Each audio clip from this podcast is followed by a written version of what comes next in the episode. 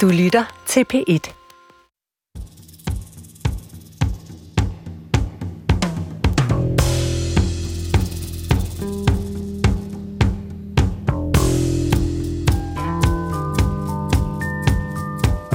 The music and voices are all around us. Musikken og stemmerne indhyllede os. Choose they croon the ancient ones, the time has come again. Choose now they croon beneath the moon beside an ancient lake.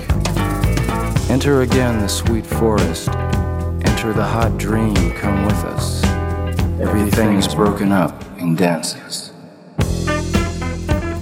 Vælg, sang de, de urgamle. Tiden er kommet. Vælg nu, bad de. Under månen ved den gamle sø.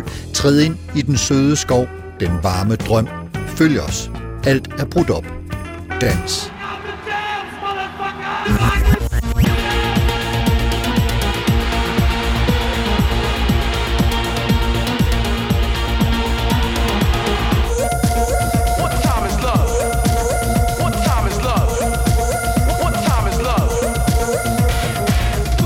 Tropestrand fuld af dansende. Høj, repetitiv, rytmisk musik. Trance, overskridelse, ritual.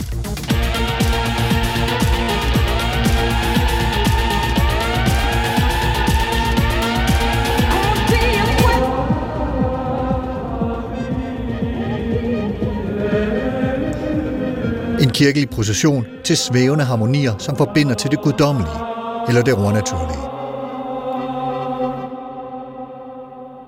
Velkommen til Supertanker. Jeg hedder Carsten Nordmann. Action.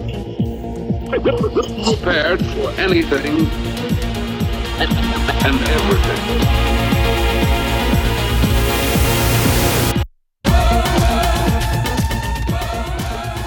Musik bliver til og finder sit udtryk i de rum, hvor det bliver brugt. Store stenkirkevælvinger fordrer svævende legato, kæmpe kor, brusende orgel. Prærien eller junglen kalder på kraftig perkussiv rytme, salongen, nærværende, måske krævende, beroligende eller underholdende melodi. Og ud af rummene og musikken og de andre omkring dig vokser sindstilstanden. Ånden. Noget spirituelt, som du enten er i, deltager i, er medskaber af, eller måske modtager af, men alligevel indhyldet i. Sud ind i med dit sind og din krop. Hvad enten du danser barfodet, beåndet, beruset, eller sidder velklædt og andægtigt og lader dig føre hen. Musik kan harmonisere, synkronisere store menneskegruppers stemning. Det kan bære os steder hen, ud af os selv, sammen. Det ser vi på festivaler, natklubber, koncertsale, strande i Goa, store politiske forsamlinger, pas på der, i kirker. Sammen med, eller ved hjælp af musikken, træder vi ind i en rituel færden, som sætter os i en bestemt stemning, påvirker vores ånd, vores spiritualitet, hvad enten den er religiøs, beroligende, opmuntrende, hedonistisk eller noget syvende.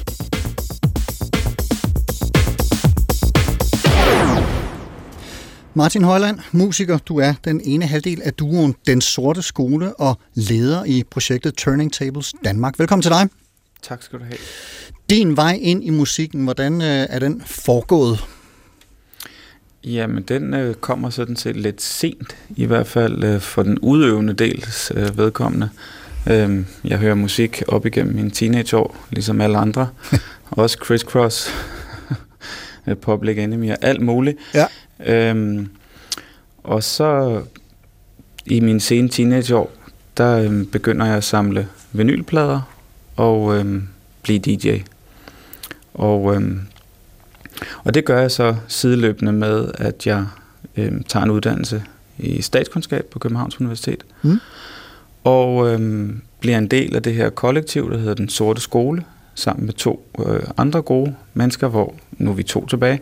Men øhm, på et tidspunkt kommer vi til et punkt, hvor at vi skal tage en beslutning om at, at øh, gøre det mere øh, helhjertet, eller øh, fuld tid, eller lægge det i graven. Og vi vælger det, det første. Øh, så i 2010 øh, siger jeg sådan set min øh, intellektuelle karriere op, eller hvad man skal kalde det, Din, din ja, akademiske karriere? akademiske karriere. Ja. øhm, og går fuld tid ind i den sorte skole. Og, øhm, og det udvikler sig så det kommer vi sikkert tilbage til. Ja, det er der jo rigtig mange mennesker, der, der er taknemmelige over, kan man sige, og at, at uh, I findes i, uh, her i Danmark, og formentlig også andre steder i verden.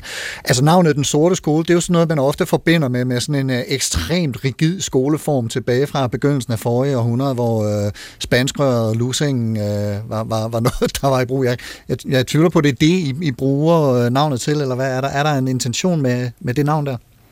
Jamen, det er faktisk lige præcis det, øhm, navnet tager sit afsæt i. Det er, Ja. jo, det er jo nok et navn, hvor man i 2021 bliver nødt til at spørge sig selv, hvor hensigtsmæssigt det er, når man er to hvide, ciskønnede men, men altså, vi, vi hænger på det, og sådan er det. Ja. Øh, men det er faktisk lige præcis øh, det afsættet er, at som oprindeligt som DJ's var det særlige ved den sorte skole, at vi faktisk havde besluttet, hvad der skulle ske øh, på pladespillerne, inden vi mødte op. Vi havde ligesom forberedt en form for DJ-koncert eller rejse, øhm, som også havde stille, mærkelige passager, som overhovedet ikke passede ind til et dansegulv.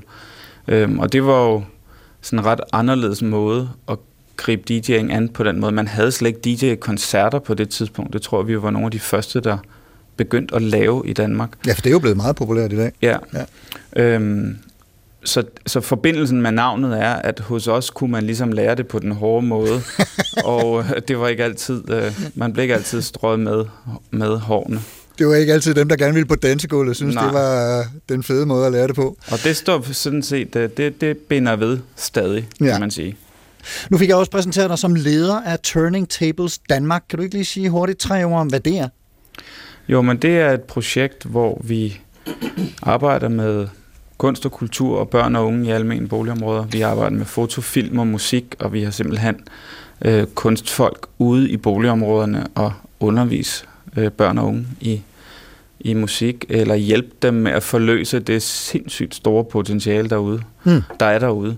Øhm, det, det har været en ret fantastisk oplevelse for os, at, øhm, at komme ud i de her boligområder og finde Ja. ud af, at f- børnene og de unge er jo storforbrugere af musik, og de er også sindssygt dygtige til at øh, skrive musik, skrive lyrik, der er vedkommende og sjovt og anderledes, og, og vi hjælper dem så med at øh, forløse det. Og jeg sidder så med den øh, som leder af den danske del af arbejdet, og så faktisk vores eksmedlem i den sorte skole, øh, en anden Martin, Martin Jacobsen, han sidder med det internationale arbejde lyder som et glimrende, prisværdigt projekt. Jesper Frøkær Sørensen, lektor i religionsvidenskab ved Aarhus Universitet. Velkommen til dig. Tak. Du er, som sagt, religionshistoriker og har forsket blandt andet i ritualer. Vil du ikke sige kort noget om din vej ind i de, øh, det forskningsfelt? Altså, var, var der en, ligesom en særlig begivenhed, som fik dig til at tænke, at nu, vil, nu skal jeg beskæftige mig med ritualer og finde ud af, hvad det går ud på? Øh, ja, det kom nok lidt ud af, af mit, min PhD, min PhD-arbejde, som var om, om magi, som jo var sådan en hævdvunden kategori i religionsvidenskaben.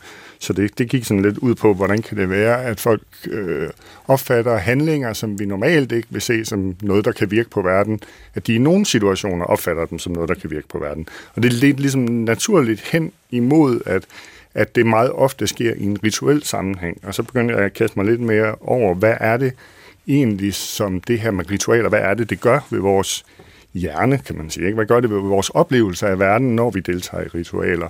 Og at ritualerne kunne være med til at forklare, hvorfor vi mener, at nogle handlinger kan være effektive i nogle bestemte situationer. Så det er faktisk også lidt en neurologisk undersøgelse. Ja, nu er jeg ikke decideret hjerneforsker, men jeg befinder mig mere på det, man kalder det kognitive niveau, som er midt imellem, ikke? Ja. Øh, som lidt er, hvordan behandler vores hjerne information fra omgivelserne. Okay. Og, og nu tager vi jo udgangspunkt i musik i, i, i den her samtale, vi er på vej ind i. Hvad er, hvad er dit forhold til musik? Ja, min, det er jo sådan, sjovt, det er jo sådan omvendt af Martins, ikke? Altså, jeg, jeg, ligesom alle andre, der ligesom var, var barn og ung der i 70'erne og, og start 80'erne, så skulle man jo, som det hed, være noget ved musikken, ikke? ja. Hvis man skulle være noget, og det vil sige, det var jo ligesom dengang, hvor musik var jo øh, sværere tilgængeligt. Det var dyrt, og derfor kunne det også være en stærk identitetsmarkør. Hvad gik du ligesom ind i? Ja. Øh, hvad for en gruppe tilhørte du, og så videre, og så videre. Og det at være musiker var ligesom, der var man bare stjernen, ikke? Var du punker øh, eller disker? Øh, jeg var nok mere punker end disker, hvis det endelig var det. Men jeg tror nu altid, jeg havde en svaghed for populær musik, som ikke altid var lige populær i, i den omgangskreds, jeg gerne ville hænge ud i. Men jeg kom jo så også til det valg, at jeg ligesom måtte vælge på et tidspunkt, og jeg tror måske, at min mit, øh, min glæde ved musikken øh, overstrålede måske min disciplin og måske også mine evner inden for det at udføre den selv. Ja. Så jeg valgte så musikken fra til fordel for den akademiske karriere. Yes, så det, ja, det er rigtigt, det er lidt den modsatte bevægelse af, af, af Martins. Men når, når du så sidder med den faglighed, du har, øh, jeg, jeg hører om, om matematiklærer, som aldrig kan lade være med at udregne tværsum med enhver øh, bilregistreringsnummerplade, de går forbi. Når du hører musik, og med den viden, du har om ritualer og brugen af musik i ritualer, tænker du så dit fag ind i det, eller er du i stand til at høre musik uden at og også fagnørde samtidig? Jeg tror faktisk, at jeg aktivt skal tilvælge at tænke mit fag okay. ind i det, fordi jeg tror, at, at, at, at socialiseringen til at høre musik er så dyb og, og, og ligger så tidligt i barndommen, at den ligger ligesom lang tid før alt det her faglige kom på. Men der er selvfølgelig nogle, nogle, nogle tilknytningspunkter, som vi nok også kommer ind på senere, hvor man kan se, at, at, at mu- musik og særligt live performance måske overtager, i hvert fald for, for en del af befolkningen, øh, det rum, som ritualer tidligere har gjort. Det gør i hvert fald nogle af de samme ting, som du også snakkede om i din intro, om at skabe fællesskaber. Mm. Og det skal man jo være blind for ikke at se, hvis man står foran en orange scene. På Roskilde Festivalen, ja. Lige præcis. Hvis der er en pointe, øh, den kan være filosofisk eller på anden måde tænksom, som øh, I mener, det kan være godt at have med os i tankerne i, i det følgende, øh, hvor vi skal, som I siger, uddybe nogle af de ting, øh, I netop fortæller om. Hvad kunne det så være, Jesper? Hvad, hvad kunne du tænke dig, at vi skulle have med os i tankerne? Jamen, jeg sidder og tænker på, at vi skal, vi, skal, vi, skal, vi skal have med, at det er vores hjerne, der skaber et, det billede af verden, som vi erfarer. Ja, den lader vi lige. Vores, det er vores hjerne, der skaber det billede af verden, som vi erfarer. Mm. Yes. Martin, hvad tænker du, at vi kan have med os i øh, hovedet? Jamen, øhm, det kan godt være, at jeg foregriber noget lige nu, men jeg, jeg tænker på det her med, at hvordan vi som, og nu snakker jeg til de ikke-troende mennesker derude i blandt lytterne, øhm, hvordan vi skaber rum og rammer for den øhm, refleksion og transformation, der er forbundet med det spirituelle rum, som mennesket traditionelt har haft i gennem ritualer og musik, øh, religiøs musikhistorie. Altså, hvad træder i stedet for? Det var lidt det, Jesper var inde på, men det er jo ikke sikkert, at det er det, der er svaret for alle.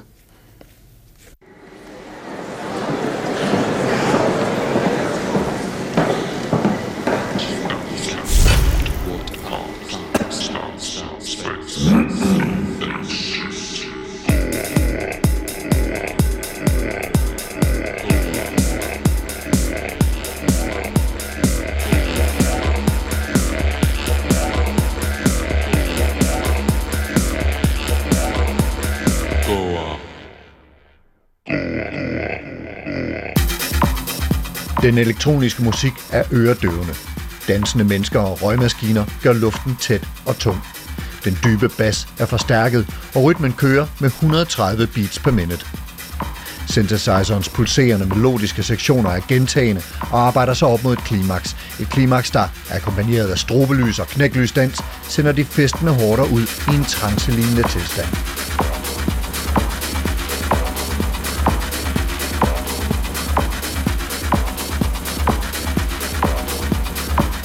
Betegnelsen rave stammer fra det gamle engelske ord raven, som betyder noget i retning af at rable, at vrøvle eller at tale i vildfarelse, måske ligefrem tale i tunger, sådan som visse religiøse ritualer søger at fremmane. I 1960'ernes London begyndte man at bruge betegnelsen rave parties om vilde fester, og de selskabelige festdaber blev beskrevet som ravers.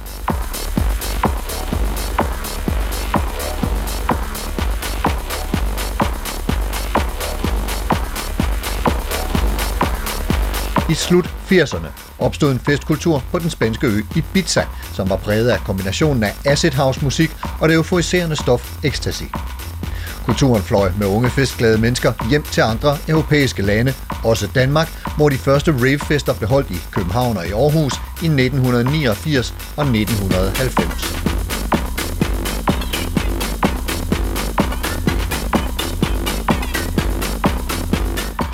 DJ'en er en central skikkelse til ravefesterne, og musikken tæller genrer som house, dance, trance og techno. Kulturen trækker tråde tilbage til hippiebevægelsen, og budskaber om fred og kærlighed er centrale. Desuden er der en særlig interesse for det alternative og for el gammel åndelighed. Til nogle raves bygger man deciderede aldre, som hylder oprindelige folks ritualer og adgang til spirituelle dimensioner i dansen og rusen.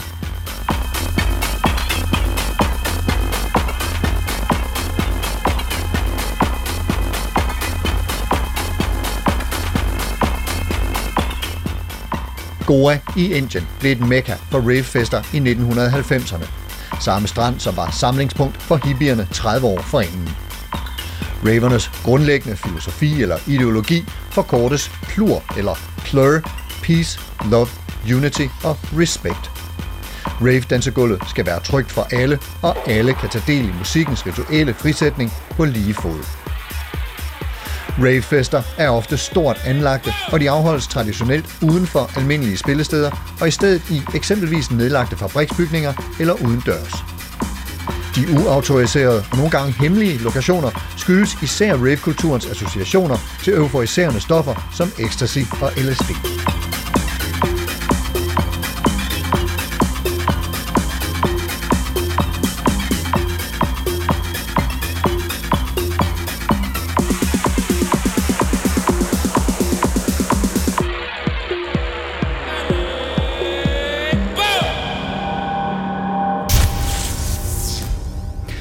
Martin Højland, musiker i Den Sorte Skole. Øh, I har i Den Sorte Skole siden 2010 og måske i særdeleshed siden 2013 arbejdet med, hvad jeg vil kalde sådan en, en arkeologisk, øh, næsten etnografisk tilgang til, til øh, musik.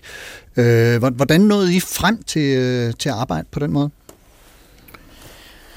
Jamen, jeg tror egentlig, det var en meget naturlig udvikling for os. Vi, vi kom ud af DJ-kulturen, og på et tidspunkt så øhm, når man dertil i, sit, i, i den proces, hvor man finder ud af, at rigtig meget musik er samlet. og så begynder man at lytte til de oprindelige øh, samplinger, og så finder man ud af, at øh, musikkens univers er kolo enormt stort og byder på alt muligt, man ikke havde forestillet sig. Og så tror jeg bare, at vi gik længere ud af den sti end de fleste. Øhm, og i forbindelse med, at vi lavede det album, som har været meget definerende for os, der hedder Lektion 3, så øhm, satte vi nogle dogmer for os selv, som gik ud på at sample for så mange forskellige lande og kulturer og musikgenre som muligt. Sample ting, der ikke var samlet før, og øhm, sample ting, der var udgivet og indspillet før vi blev født. Øhm, en stor del af samplekulturen har trukket meget tungt på funk og soul og nordamerikansk øhm, og afroamerikansk musik. Øhm, så det var en kæmpe øjenåbner for os at øh, lytte til musik fra Indonesien og øh, Honduras og Sibirien. Og det, der skete helt konkret på det tidspunkt, det var, at der var sådan et lille vindue i musikdelingshistorien med nogle platforme øh, teknologisk, der gjorde det muligt for folk at dele øh, fildele over nettet. Øhm, er det Napster, vi taler om? Øh, ja, nej, det er faktisk øh, noget, nogle ting, der hed Mega Upload og, og nogle andre tjenester. og, og det, der skete, det var, at der var nogle øh, musikentusiaster, nørder rundt omkring i verden, der opbyggede nogle meget, meget udførlige blog-universer, hvor de simpelthen specialiserede sig ned i en eller anden absurd niche i musikhistorien, og så uploadede alt, hvad de havde på vinyl, til digital format på den måde. Og det betød, at der kunne sidde en nordmand, altså det gjorde der faktisk helt konkret, og opbyggede det største arkiv over indonesisk musik øh, i Jakarta. Fantastisk. Og gjorde det tilgængeligt for alle. Og, og den der guldår rammer vi i de der år, og vi køber harddiske ind og simpelthen støvsuger øh, hele det der univers for musik fra hele verden. Og så, øh, så, så sker der faktisk det, at FBI ender med at lukke det hele ned gennem en stor koordineret indsats, som går helt ud til New Zealand, hvor nogle af fildelingstjenesterne ligger. Men vi har så bare nået at arkivere det hele. Og når man først har ved, hvad det er, man leder efter, så er det faktisk ret nemt at finde det efterfølgende i vinylform på nettet, på eBay og Discogs og de her tjenester. Så, så vi opbyggede et kolo enormt øh, arkiv af samplemateriale i 2010, 11 og 12. Det er sådan nogle feltoptagelser, som folk har været ude i, øh, hvad skal man sige, oprindelige kultur, I mangler bedre over og, og, og Ja. lave, eller hvad? Ja, det kunne være en del af det. Ja. Altså, det har vi jo så måske øh, 200 albums med fra hele verden, men det kunne også være øh, øh, punk-musik øh, musik fra 1980 til 83 fra øh, Kyoto, som en eller anden havde specialiseret sig i at uploade. Ja, fantastisk. Øhm, så, så det er ligesom alt optaget musik i musikhistorien, der ligesom blev tilgængeligt i de der lommer på det tidspunkt, Ja. ja. øhm, som vi heldigvis opdagede. Og nu er I så øh, for øjeblikket på øh, turné med jeres øh, nye værk Refracto, som er, hvor I turnerer rundt i øh, kirker og, og ligesom benytter jer af det rum, som kirken tilbyder, og der er en kæmpemæssig lysinstallation med os, og jeg skal nok sige datoer for, hvor og hvornår man kan opleve det hen mod slutningen af programmet. Men vil du ikke prøve at fortælle, hvad, hvad det går ud på, det her Refracto-projekt, som I, I øh, aktuelt er i gang med? Jo, det er et projekt, vi, vi har skabt sammen med øhm, den visuelle kunstnergruppe, der hedder Vertigo, som står for den visuelle del. Det er et ret tæt samarbejde, vi har med dem. Men det er jo en gammel drøm for os at arbejde med religiøs musik, spirituel musik og kirkerummet.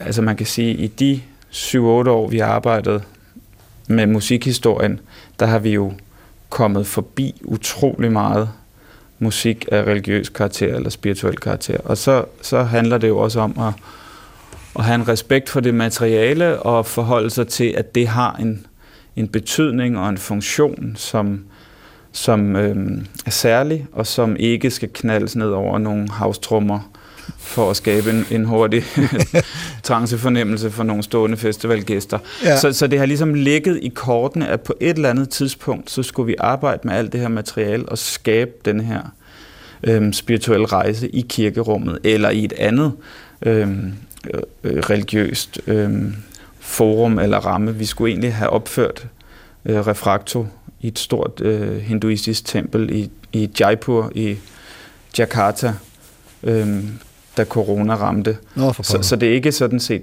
det, det er ikke kun kirker, men, men religiøs rammesætning, kan man sige. Ja, og øh, der bliver det jo så øh, relevant at spørge dig, øh, Jesper Frøkjær Sørensen. Du er lektor i religionsvidenskab og, og har en opfattende, omfattende forskning øh, i ritualer med dig i bagagen. Og, og du og jeg har haft privilegeret adgang til faktisk at høre noget af det her refraktor, som den sorte skole har lavet.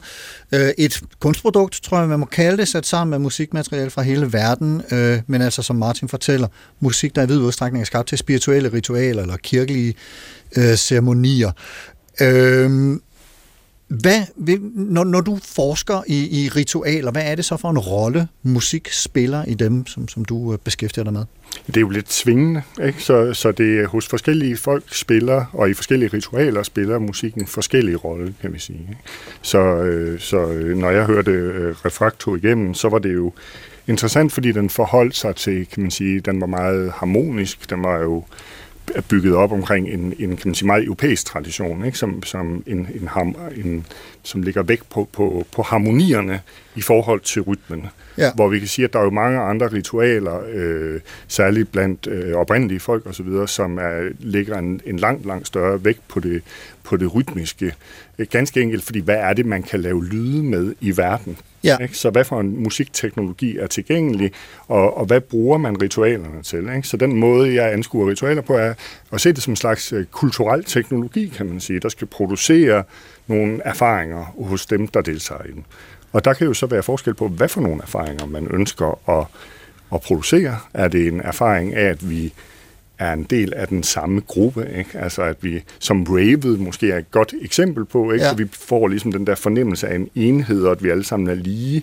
Man taler i religionsforskningen om, om det begreb, man kalder communitas, altså at der opstår sådan en, en fornemmelse af et fællesskab igennem, at vi alle sammen, alle vores normale forskelle, der kan være til dagligt, de fjernes ligesom og nivelleres væk i ritualet, er vi ligesom en del af den samme gruppe. Men vi kan have en anden type ritualer, som jo ligesom er mere indadvendte og, og væk fra verdensskuende, ikke? Hvor som, som du kan sidde og lytte til gregoriansk kirkesang og lukke øjnene og lade harmonierne ligesom fører dig et andet sted hen. Og det er ja. jo en, en, en anden tradition, som også bygger på en anden religionsform, som måske handler mere om udstigeren, ikke? altså om, om det individuelle søgen efter noget guddommeligt, end det handler om, om øh, oplevelsen af, af et, et, et, øh, et præsent fællesskab lige her og nu. Så når du siger udstigeren, så er det fordi, man som, som individ træder væk fra det fællesskab og lader sig løfte op af, lad os sige, den gregorianske kirkesang, eller hvad det må Men man kan jo sige, at, at de, de religioner, vi nogle gange ofte sammenfaldende med verdensreligioner, vi kalder dem nogle gange axiale religioner, de opstår sådan cirka lidt før år 0.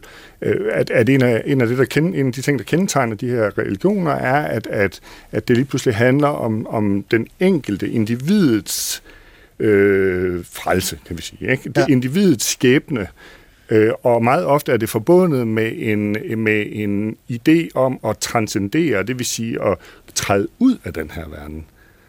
Og der kan vi måske se sådan en, en forskel på, at, at to forskellige ritualtyper ligesom kan, er en teknologi, der skal skabe oplevelser, der ligesom skal harmonere med det her. Ikke? Så hvis man er fællesskabsbaseret mindre samfund, så er det rytmiske klart bedre. Vi kan alle sammen vi er i verden tak. sammen. Ja, og vi synkroniserer vores adfærd. Ja. Og derved får vi sådan ligesom en, en oplevelse af at være en. Hvorimod, kan vi sige, den her mere kontemplative øh, søgen mod noget, der ligesom overskrider den her verden, mere har et individualistisk præg. Så kan man sige noget ud fra det, øh, ligesom K, det du lige fortæller der, ind til hvad det så er, vi søger gennem vores brug af ritualer, fordi vi har jo masser af dem, som, som vi også mere eller mindre øh, ubevidst øh, praktiserer hele tiden.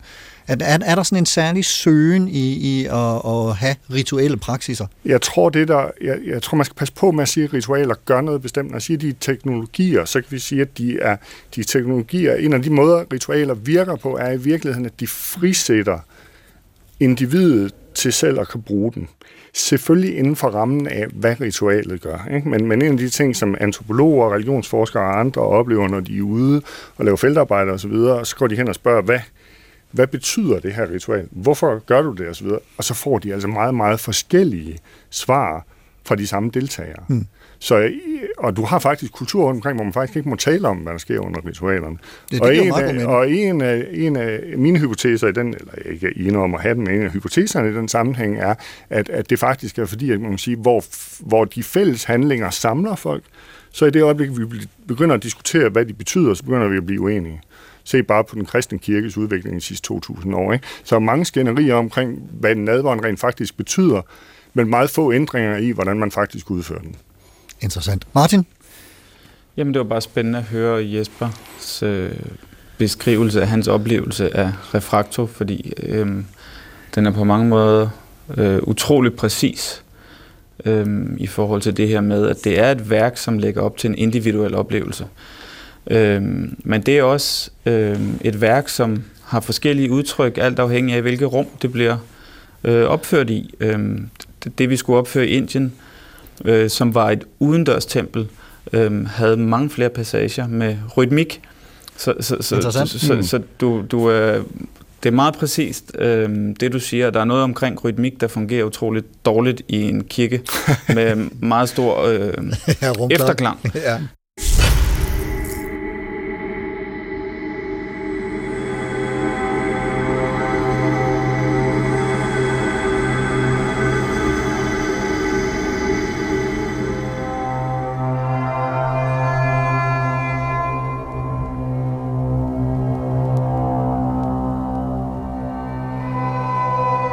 Jeg er gået rundt og har kaldt det musikarkeologi eller musikantropologi. Men det har faktisk en autoriseret betegnelse, som kan slås op og studeres, nemlig etnomusikologi. Det er studiet af musik ud fra de kulturelle og sociale forhold, skaberne af musikken er i. Altså en teoretisk og metodisk tilgang, baseret på kulturelle, sociale, materielle, kognitive, biologiske og andre dimensioner i den musikalske adfærd. Selvfølgelig samstillet med lyden. Det var noget, man begyndte på i 1800-tallet, men det har først for alvor vundet indpas og udbredelse efter 2. verdenskrig. Namia.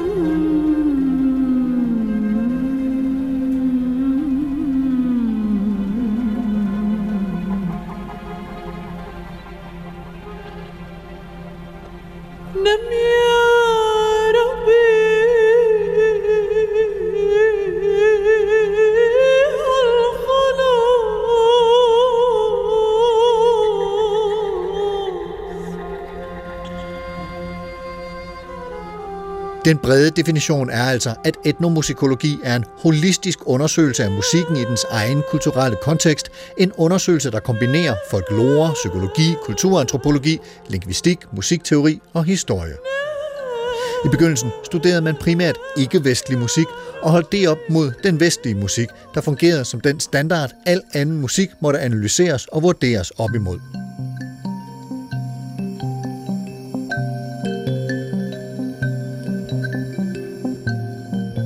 Den sorte skole begyndte som DJ's og var nogle af de første i Danmark, der begyndte at lave de såkaldte mashups, altså sammensmeltningen af to i udgangspunktet væsensforskellige numre, som kunne blendes sammen til et nyt musikalsk udtryk med genkendelige elementer fra de numre, som indgik i mashuppet. De lavede to såkaldte mixtapes, lektion nummer 1 og lektion nummer 2 i 2006 og 8, og i 2010 blev duoen af Roskilde Festival bedt om at lave en jubilæumskoncert i anledning af festivalens 40-års jubilæum. Og de to musikere brugte derfor flere måneder på at grave sig igennem de mange festivalers musikalske materiale. Resultatet blev, at Dagbladet Politikken beskrevet som en demonstration af Roskilde Festivals historiske overlegenhed, der rummer både legender og mangfoldighed i musikalske udviklinger gennem årene.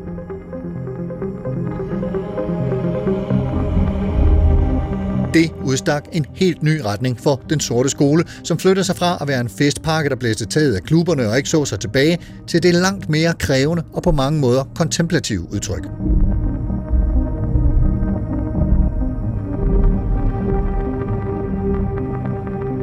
Med Roskilde-koncerten begyndte afsøgningen af verdens og historiens musikalske udtryk, som blev til lektion 3 i 2013. Tusindvis af samples fra over 250 vinylplader fra 51 lande på seks kontinenter.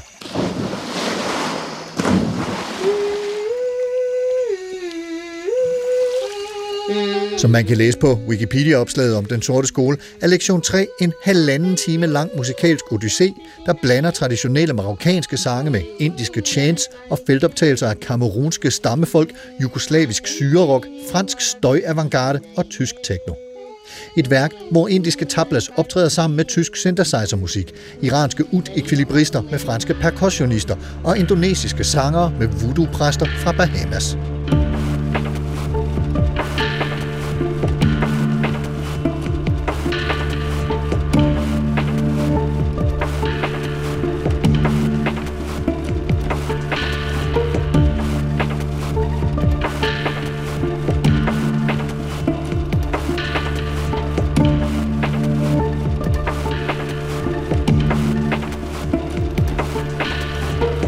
2015 udkom Indians and Cowboys, som igen er sat sammen med samples fra nu 350 plader, 5 årtier og 75 lande.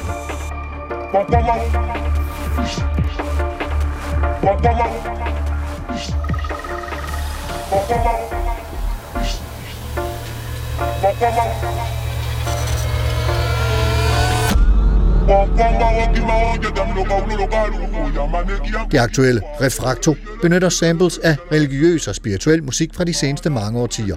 Feltoptagelser af oprindelige folks rituelle ceremonier, benediktinerkor, klassisk arabisk sang og moderne eksperimenterende elektronisk musik.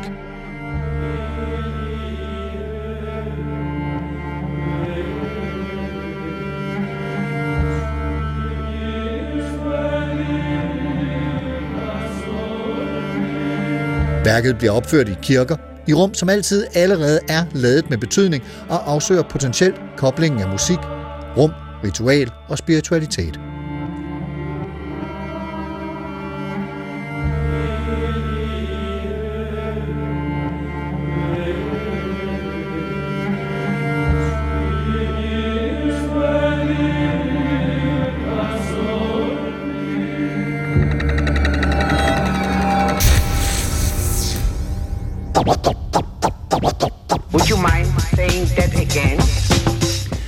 Trance, rave, stoffer, lysshows, muligvis moderne varianter af bålets flakken i natten, beruselse med svampe, kaktus, røgelse, hvad den stedlige natur nu tilbyder, dansen, repetitionen. Vi mennesker samles og påvirker hinanden gennem rituelle gennemspilninger af forløb, der måske kan sætte os i kontakt med nye, måske højere erkendelser, ofte hjulpet på vej af musik, der sætter en stemning, fylder et rum, flyder ind i vores sind og forplanter sig ud i vores krop.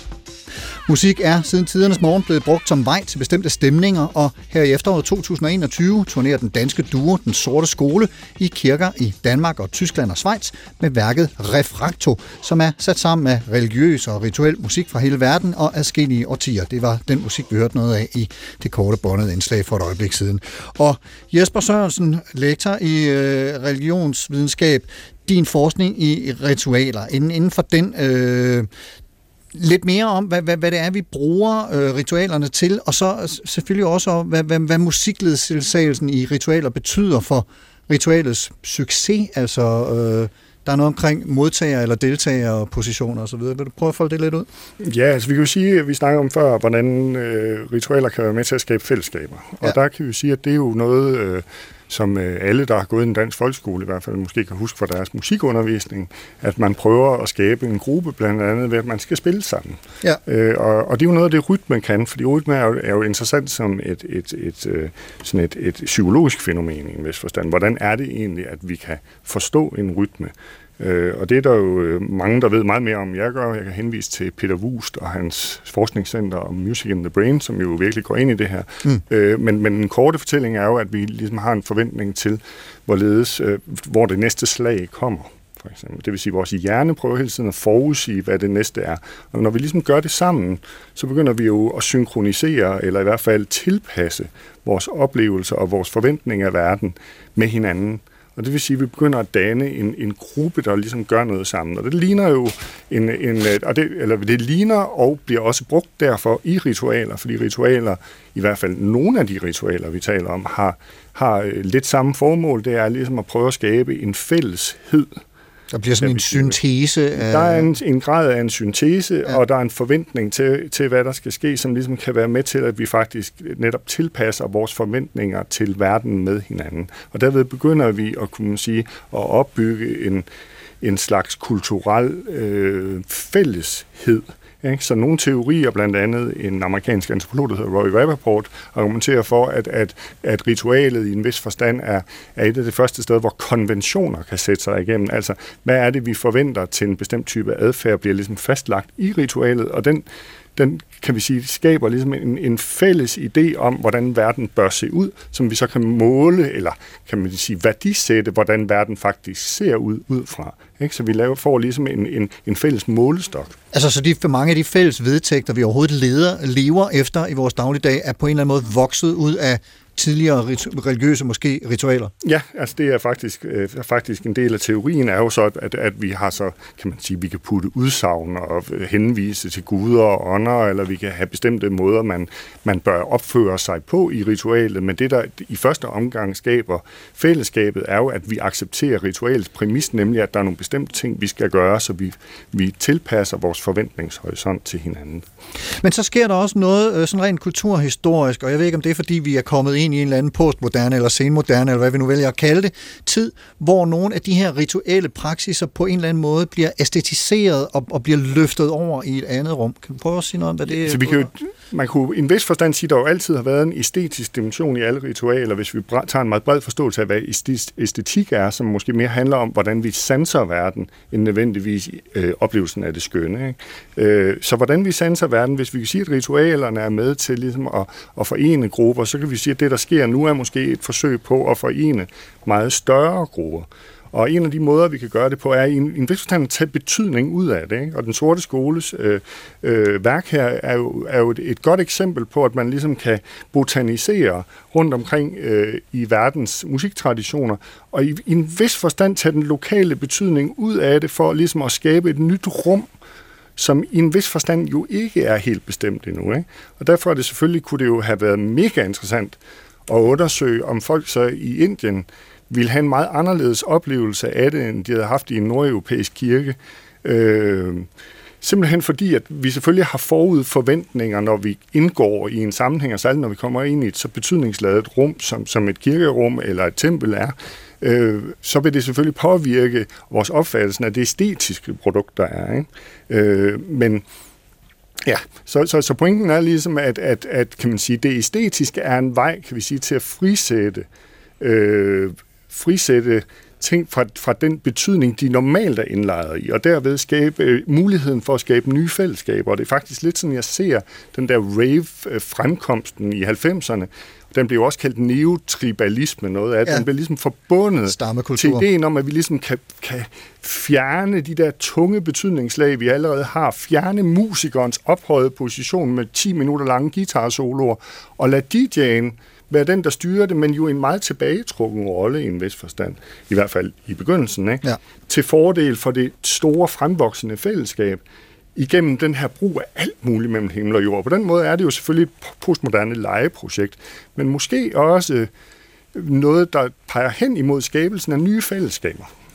Hvordan taler det her ind i jeres arbejde med øh, Refrakto, Martin, af den her, øh, hvad skal man sige, øh, måske fjernelse sig fra, fra, fra oprindelige betydninger, og så etablering af nye betydninger i sammensætningen af, af de øh, bidder, I øh, samler og, og sætter sammen?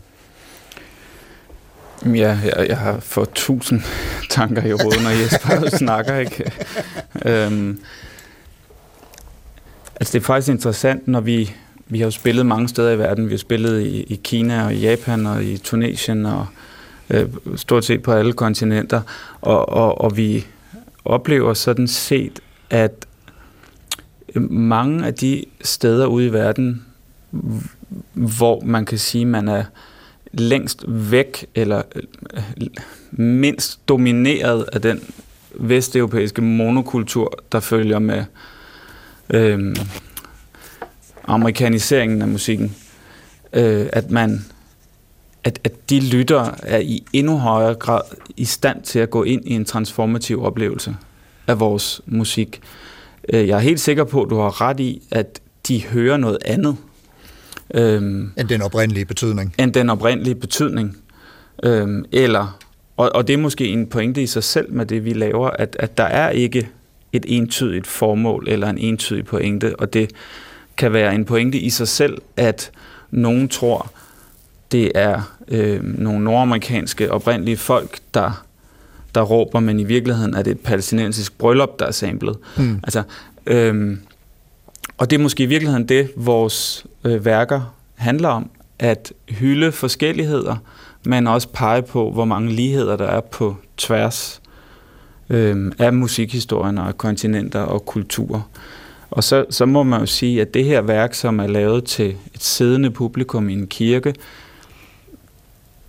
det fokuserer, eller det, det, hen, det åbner op for en individuel transformativ oplevelse i langt højere grad end, end det rituelle samlende, som du snakker om, Jesper, med, med det rytmiske som katalysator for det, mm. som jo nok er noget, der er mere til stede i vores øhm, stående Ja. koncerter. Men, og hvis vi så tager fat i den, øh, Jesper, og, og, og kigger på det her med det individuelle, og vender måske blikket mod nogle af de øh, teoretikere, som, som du også øh, taler med i, i forskellige, øh, på forskellige vis, øh, afstiger tanken ved, at øh, filosofen Peter Sloterdijk mm. har, har formuleret sig om. Vil du prøve at, at, at sige noget om, hvad det er, hvordan det øh, berører det, eller bliver berørt af det, som Martin fortæller? Ja, så vi kan sige, at det, det sådan ekvivalerer lidt med ideen om individualisering. Ikke? Altså, at, at, at religioner skifter fokus fra at fokusere på fællesskabets, kan man sige, beståen i det dennesidige. Så hvordan får vi en god høst og mange børn og sikrer os mod krig og ulykke osv. osv. til i højere grad at fokusere på, på det enkelte individets mulige frelse. Nogen går så langt, som ligesom siger, individet i virkeligheden opstår på det her tidspunkt som en selvbærende enhed. Altså at man før tænkte sig selv som en del af en slægt osv., får vi nu ligesom den her individuelle dimension. Og, og de religioner, der ligesom øh, kendetegner det her skifte, er, har alle sammen en stærk kontemplativ side. Det er selvfølgelig ikke den eneste side, men de har en kontemplativ side, som ligesom er udstigeren, ikke? Søjlehelgen eller, eller yogien, der trækker sig tilbage til, til, de, til Himalayas bjerge eller, eller ud i junglen osv. Altså manden eller kvinden, der stiger ud af samfundet og, og ligesom fornægter de gældende principper for overlevelse og beståen, kan man sige. Ikke? Hvis vi alle sammen var søjlehelgener, så forsvandt samfundet jo hurtigt. Ja, så der er jo et kompromis her, kan vi sige, Ja. ja. hvor, hvor, hvor samfundet skal bestå øh, på det almindelige vilkår. Alle de religioner, der overlever, finder ligesom en kombination her, men de har alle sammen den her side her, som er som den her mere kontemplativ, indadvendte side, som handler om, om i en vis forstand at vende dig ind i dig selv og væk fra, fra omgivelsernes øh, Øh, øh, forvirring og, og profane krav ikke til at få noget mad og til at sove og sex og den slags ting. Og måske dybest set uden nogen hensigt om at vende tilbage til et fællesskab, eller hvad? Er, er det sådan en, nu stiger jeg ud, og så forsvinder jeg på et eller andet tidspunkt ud i en intethed i min øh, oprørede erkendelse? Ja, igen skal der, skal der jo ofte et kompromis til, ikke, hvis du ikke vil dø af sult, men du har jo altså, øh, har jo altså radikale udstigerbevægelser, som rent faktisk sulter sig ihjel. Ikke? Så du har jo folk, der faster indtil de dør, og så videre, og så videre som, som virkelig radikalt stiger ud. Men de fleste af de igen overlevende religioner finder en eller anden form for kompromis, der dæmper den her radikalisering, og, og ligesom accepterer, at skal, skal samfund bestå, så bliver man nødt til også at have, være en del af samfundet, i hvert fald en del af sit liv. Så nogen gør det jo sådan, at det bliver, ligesom i, i Indien bliver det jo ofte, at det ligesom er i afslutningen af dit liv. Når du har fået børn, og de ligesom er, er vel på vej og etableret, så kan du ligesom gå ud i skoven og meditere. Ja. Martin? Jeg ved ikke, hvor vi placerer os i det kontinuum. øhm, men jeg tror, noget af det, som, som, som betyder noget i, i vores arbejde, det er det her med, at eller den mulighed, der ligger i at fastholde folk i en oplevelse i et, i et rum som kirken. Øhm, der er jo rigtig meget fællesskab, der skabes omkring musik i dag, som også er meget øh, behageligt Mm og meget øh, bekymringsfrit, og, og i virkeligheden er der rigtig mange, der dyrker fællesskabet i musikken omkring det forventelige. Og, og, og det er måske øh, noget af det, øh, selvom der kan være meget positivt at sige om det, så er det også en fattiggørelse af musikkens potentiale. Og, og det er noget af det, jeg synes, vi prøver at arbejde med, at faktisk placere folk i en situation, hvor de ikke kan undslippe sig den rejse, vi har lagt ud for dem, som også byder på vrangsiderne af livet ubehagelige passager, eller ligefrem kedelige passager. Mm. Øhm, og det er noget, som vi synes er ret fantastisk ved at flytte den der øhm, fællesskabsoplevelse over i noget, som måske er mere individualiseret, men det er også øh, mere grænsesøgende, og det presser folk ud i nogle øhm, refleksioner omkring øhm, livet, og det kan være hverdagen, det kan være små, det kan være store ting, men det, det er ligesom for os øh, målet. Og, og, og Jesper Sørensen, så, så tænker jeg, om det her faktisk kan være en eller anden form for overgang til øh, en af de sidste teoretikere, du har taget med, nemlig Christopher Frith, som har noget omkring netop forventning og det forudsigelige eller ikke forudsigelige. Hvad, hvad er det, Christopher Frith han øh, pointerer? Jamen, det ligger så i, i den model, kan vi sige, af, af, af, af, hvordan vi opfatter verden, som jeg kort skitserede i starten. Altså, at det er vores forventninger til verden, der i en vis grad genererer vores erfaring af verden. Ikke? Så vi har hele tiden forventninger til, hvad der kommer til at ske i den nærmeste fremtid, helt nede fra, fra bitte små bevægelseskontrol, når man skal gribe en kop, og op til, hvad der sker i et radiostudie, når man er i gang til med at blive interviewet.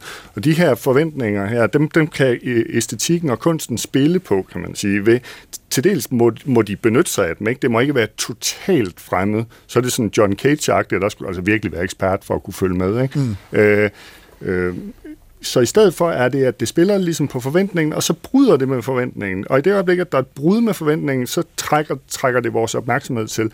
Det passer meget godt på, hvad Martin siger lige før, ikke? At, at, at, at, de gerne, at den sorte skole gerne søger, ligesom, at, at folk skal også hives lidt ud af deres komfortzone.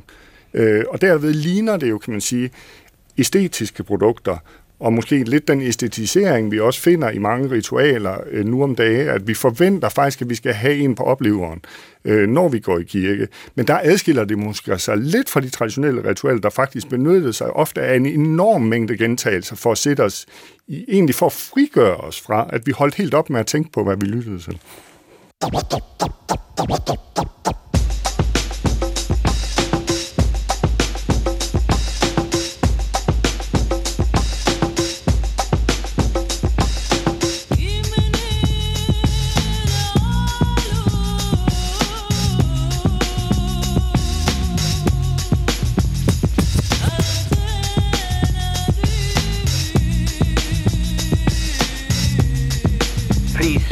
Would you mind saying that again?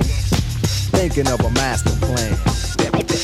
Supertanker, Martin Højland, Jesper Frøkjær Sørensen og Carsten Ortmann. Vi taler om musik, ritualer og rum, og hvordan de påvirker hinanden, og os, der deltager i eller observerer dem. Og Martin Højland, du er den ene halvdel af Den Sorte Skole, hvis værk Refraktor, vi har taget udgangspunkt i her i samtalen.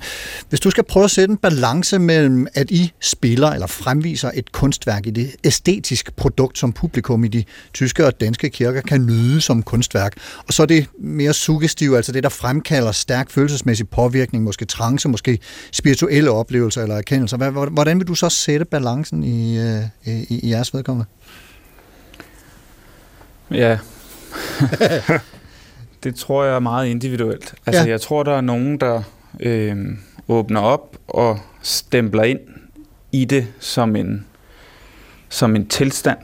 Øh, i- I virkeligheden også, fordi der er så mange øh, spring eller forløb i rejsen, som bringer en steder hen, man ikke kan forestille sig, at man skal hen.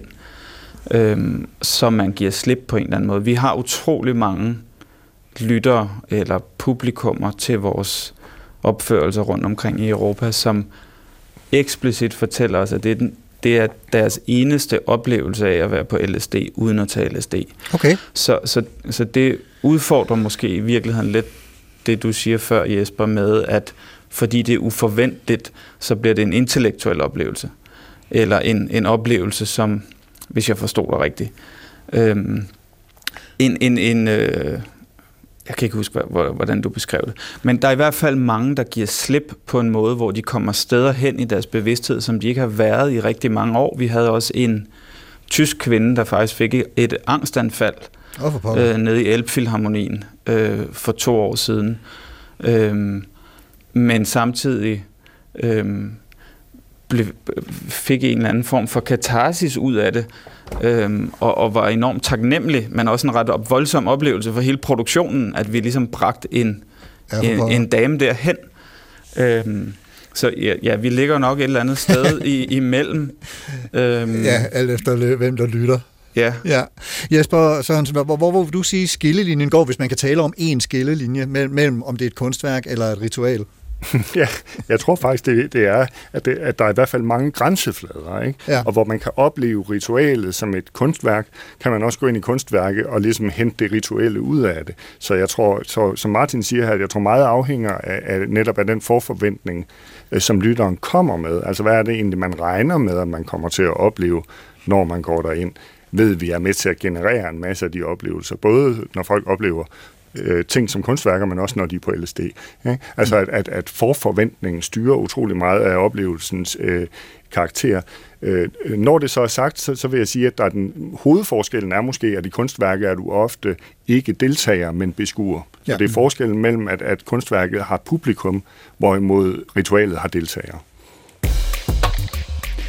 Supertanker er i land om et par minutter, men øh, vi skal lige nå at høre et par anbefalinger fra jer to til, hvor lytterne kan gå hen, hvis de vil undersøge nogle af disse her øh, tanker nærmere.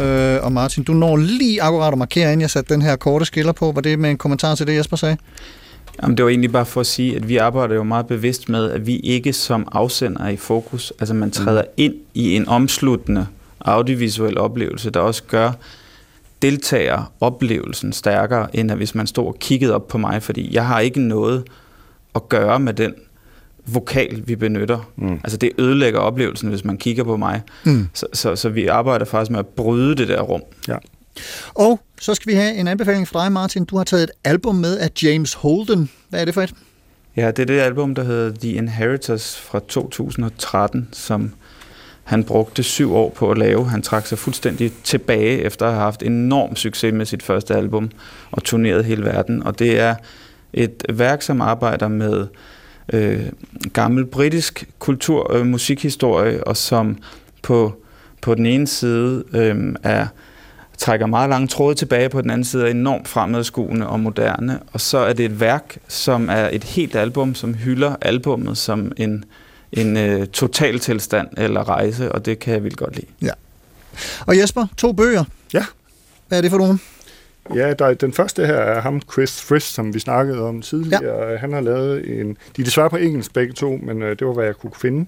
uh, Making Up the Mind, How the Brain Creates Our Mental World. Og det er sådan en lidt mere populær uh, videnskabelig uh, beskrivelse af, hvad den nyeste hjerneforskning ligesom fortæller os, og særligt det her lidt modintuitiv og, og måske sådan lidt øh, samfund, eller, eller øh, øh, bevidsthedsudvidende øh, besked om, at det faktisk er vores forestillinger om verden, der præger vores erfaring af verden. Og den anden bog er af en britisk øh, filosof, der hedder Andy Clark, og det er inden for samme område en lidt mere filosofisk diskussion om, hvordan vi lever i, kan man sige, en styret hallucination. Spændende. Og det var simpelthen øh, den superoptampning for øh, i dag. Vi er på vej mod land. Martin Højland, musiker i Den Sorte Skole og leder i Turning Tables Danmark. Mange tak, fordi du kom og var med til at udvide vores forståelse af, af vores øh, og musikkens rolle i nogle af de rituelle rum og forløb, som vi oplever forskellige steder og på forskellige tider. Tak skal du have. Tak fordi jeg måtte komme. Og Refrakto har været opført i København, kan opleves i St. Lukas Kirke i Aarhus, Roskilde Domkirke og St. Katharinen Kirche i Frankfurt. Og der kan man se datoer på densorteskole.net. Jesper Frøkær Bagnvig, lektor i religionsvidenskab ved Aarhus Universitet. Tusind tak også til dig for at hjælpe med at gøre os alle sammen lidt klogere på ritualer lidt mere generelt. Velbekomme. Og man kan altid høre eller genhøre programmet her i DR Lyd og på dr.dk-supertanker. Også tusind tak til dig, kære lytter, for at lytte med. Hvis du kan lide, hvad du hører, så del det med dine venner, uanset hvem de måtte være. Programmet i dag var tilrettelagt af Dorthea Lind Neuenschwander og mig. Jeg hedder Carsten Nordmann. Programansvarlig er Jesper Langballe. Ha' en rigtig god uge og på genhør. Thinking of a master plan.